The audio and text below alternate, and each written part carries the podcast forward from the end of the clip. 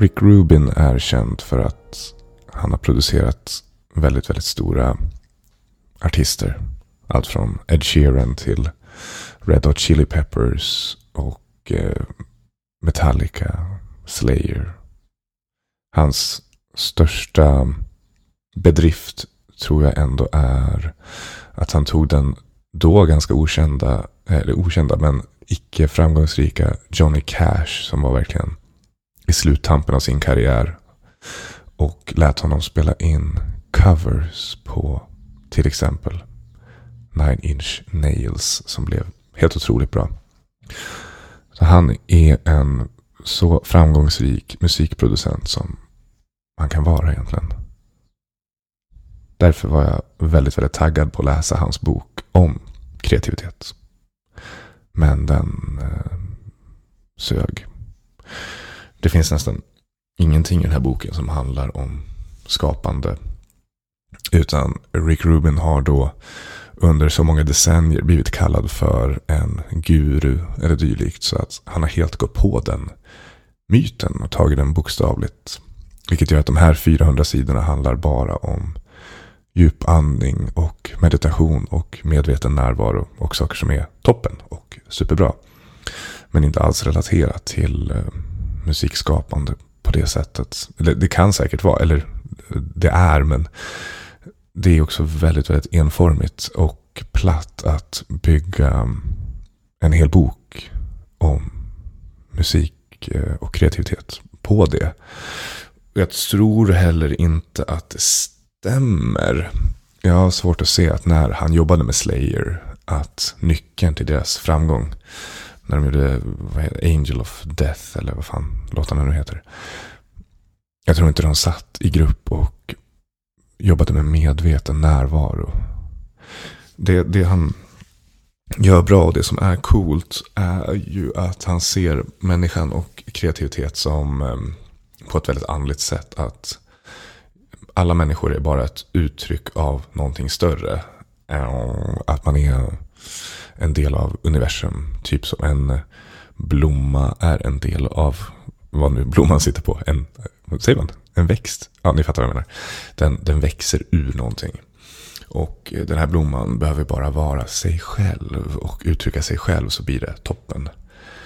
Och på det sättet försöker då Rick Rubin låsa upp sina artister, att låta dem blomma ut så att säga. De flesta människor lägger krokben för sig själva hela tiden. När någon säger att den inte är kreativ så stämmer ju inte det. Alltså, ursäkta uttrycket pistol mot huvud, men pistol mot huvud så skulle ju alla i världen skriva en låttext. Det är inte så att du inte kan göra det, utan du censurerar dig själv innan. På det sättet är Rick Rubin cool och inspirerande tycker jag att han jobbar väldigt mycket med att bara pusha folk i riktningen att uttrycka deras unika mänsklighet. Han fick Ed Sheeran att våga rappa, vilket på förhand och kanske också i efterhand låter som en usel idé, men det är ju bra. Det blev ju bra. Och eh, i motsatt riktning fick han ju Mac Miller, en rappare, Rest in Peace, att börja sjunga mer. Och det är ju helt, oh, det är otroliga skivor som han gjorde. Så Rick Rubin vet ju uppenbarligen någonting, eller han vet jättemycket om musikskapande. Men eh, eftersom han hade sin, sina största framgångar för typ 30 år sedan tror jag att han bara år för år har gått djupare och djupare in i uh, myten om sig själv. Vilket gör den här boken helt värdelös att läsa. Det man däremot kan göra, som tur är, är att kolla på YouTube när Rick Rubin faktiskt jobbar med sina artister. Det finns en jättebra dokumentär om Red Hot Chili Peppers i, någon gång på 90-talet där de spelar in Blood Sugar Sex Magic. Har hyrt ett hus i Kalifornien någonstans och bor där med Rick Rubin. Där kan man snarare se hur han gjorde. Och det handlar ju väldigt, väldigt mycket om just det att få de här fyra snubbarna att djupdyka in i det de älskar och skapa sin unika mix av, eh, av smak kanske. Ingen hade på förhand kunnat konstruera Red Hot Chili Peppers blandning av popmusik, funk och den här surf, skate, Kalifornien-kulturen. Utan det är bara någonting som en slump som uppstår av de här talangfulla människorna möts, gillar varandra. Och han peppar dem verkligen att bara glida runt där i bar över och ha det nice. Och våga göra sin grej. Och det ironiska med skapande tycker jag ofta är att när man försöker vara någon annan så blir det kanske bra. Men det blir aldrig jättebra. Det blir jättebra när man vågar vara sig själv. Ty den typen av plattityd jag sa nu, det är det som gör den här boken trist. Men ärligt talat mellan oss så är det ju så. De största artisterna på en eh, festivalposter idag var ju alla liksom Eh, bespottade. Eller inte bespottade, men det var ingen som trodde på det när det kom. De är alltid steget före. De hittar alltid en ny nisch av någonting. Det är min vad ska man säga, hatgenre. Det är svårt att lyssna på. Det är så här espresso house, acoustic covers och sånt som är tvärtom. Det ska bara vara fint och det finns inget uttryck av typ är du ledsen? Är du glad? Är du arg? Vad har du för känsla som du försöker uttrycka? Och de här espresso house musikerna har liksom det finns ingen sån del. Det, är bara, det ska bara vara fint och det är ju såklart, det är en okej okay känsla. Och det är okej okay att uttrycka det som en del av den du är. Men du är ju en massa andra saker. Och det viktiga tycker jag är att man känner som lyssnare att det är någon som öppnar upp sig och delar med sig. Och det, det är lite feg musik kanske. Jag har väldigt svårt för feg musik och fega artister. Espresso House är då uttrycket för det. Jag tror att Rick Rubin är på Costa Rica nu med The Strokes. Och det oroar mig. Har svårt att se. De, de, har, han, de har det för bra. Han är för nöjd med sig själv och sin situation. Och han tror att om han bara, det här, nu hittar jag på, det här är bara spekulationer från min sida. Men jag tror att de har, det, det han misstar, när jag läser den här boken i alla fall. Han tror att han besitter någon sorts magi. Och det gör han, men det är, jag, jag tror att han har en annan magi än den han tror att han har. För som sagt är han fokuserad på typ hur du andas och hur du förhåller dig till ditt medvetande.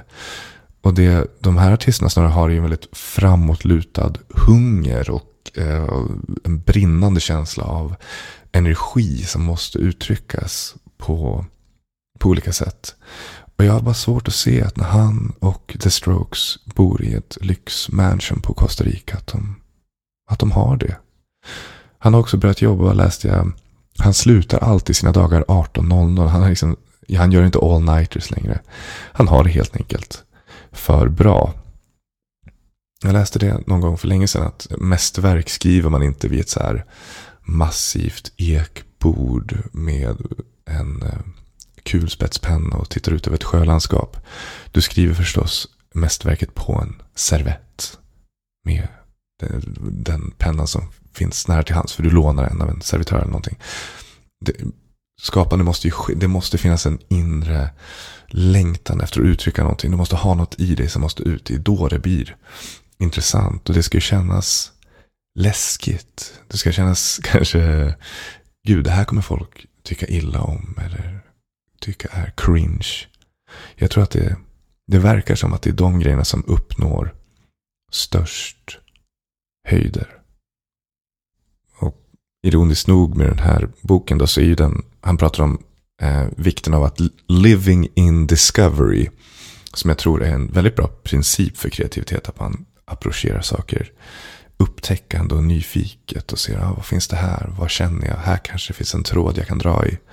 Men det här är inte en nyfiken och utforskande bok. Det här är en kille som han vet hur saker ligger till. Han säger som det är. Och han har självförtroende i, jag skulle gissa livets alla frågor i allt från, han säger i förbifarten saker om så här kost och medicin. Och det är väl faran med att vara upphöjd för länge. Det är synd, det hade varit coolt att se en, en Rick Rubin som var full av tvivel. Som satt liksom och slet sitt hår. Ah, vad är det nästa som ska hända? Vad händer härnäst? Den Rick Rubin tror jag har jättemycket mer intressant musik i sig. Här sitter jag och ger Rick Rubin tips på hur man... Men det är fan, jag får väl önska saker här. Eh, det hade varit eh, supercoolt. Han har helt enkelt varit framgångsrik för länge. Det är min eh, hypotes. Jag hade jättegärna läst en bok där han faktiskt pratar om liknande det vi såg i den här Red Hot Chili Peppers dokumentären. Hur har han faktiskt jobbat med de här artisterna i praktiken?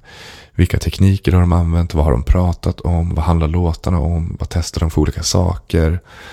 Det finns några sådana med typ eh, tända och släcka lampan i rummet när man spelar in. Men det är en väldigt, väldigt liten del av boken. Jag hade jättegärna sett honom skriva 400 sidor om det. det han har ju inte fel i det andra. Det är dharma, eh, det är sanningar. Eh, att man ska liksom slappna av, bara åka med och låta det uppenbara hända. Alltså uppenbara sig genom att bara släppa taget och våga uttrycka. Eh, problemet är bara att det räcker inte för 400 sidor. Där han också har smält in små typ eh, aforismer eller små dikter där, som är så platta att det är nära nog eh, en carpe diem skylt att ha hemma.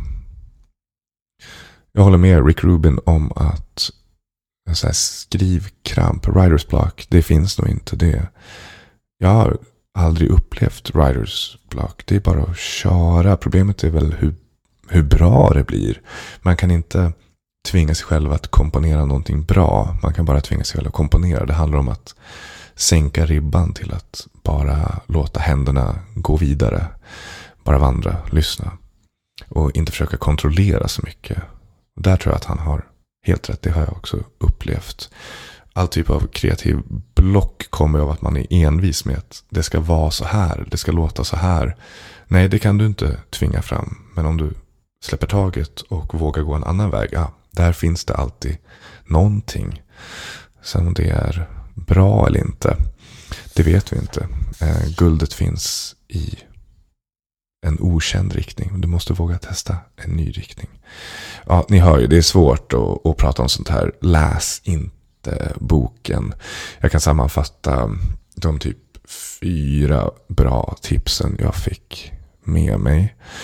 Eh, nummer ett du ska inte ha någon liksom politisk idé som du vill förmedla med ditt skapande. Så här, så här tycker jag verkligheten ska vara. Du, du, kan aldrig göra propaganda eller försöka vara duktig eller smart. Utan du måste våga dela med dig av dig själv. Och du som människa är ju eh, bristfällig såklart.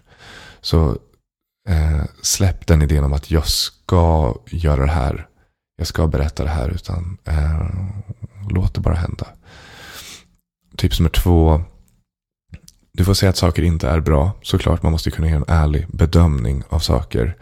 Men man kan då vara lite smart och lägga till, det är inte bra än. Så att man inte fastnar i typ, jag är dålig eller det här är dåligt.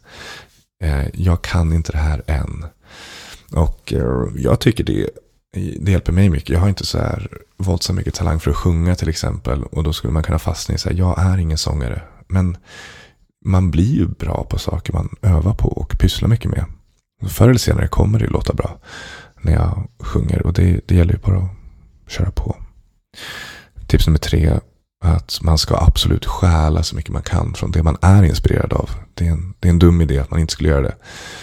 Det kommer ändå inte låta likadant för du är inte den personen. Du är antagligen inte lika duktig. Så Stjäl så mycket du vill. Upp till liksom det beryktade Håkan Hellström-nivån när man liksom tar rader rakt av. Så jag tycker det... Alltså om det inte är en tydlig liksom blinkning och marsch då är det väl nice. Men eh, ja, man, man kan absolut stjäla generellt. Försök, alltså om jag skulle försöka låta som skriva en Red Hot Chili Peppers låt kommer det absolut inte låta som Red Hot Chili Peppers. Det kommer låta som mig mestadels. Uh, tips nummer fyra. Gör tvärtom. Det finns något Seinfeld-avsnitt om det när George Costanza vill utmana sig själv och gör tvärtom mot det han vanligtvis gör. Tycker jag är ett hjälpsamt tips, inte bara med musik, utan livet i allmänhet. Om man provar att göra annorlunda så får det åtminstone spännande effekter. Och ofta ganska bra. Så det är de fyra generella tips som man kan ta med sig från den här boken. Nu slapp ni läsa den. Um, tack för att ni har lyssnat den här veckan. Vi kör på med att luta oss in i det vi älskar. Det tycker jag är det bästa mänskliga tillståndet att vara i. Ha det fint. Vi hörs snart igen.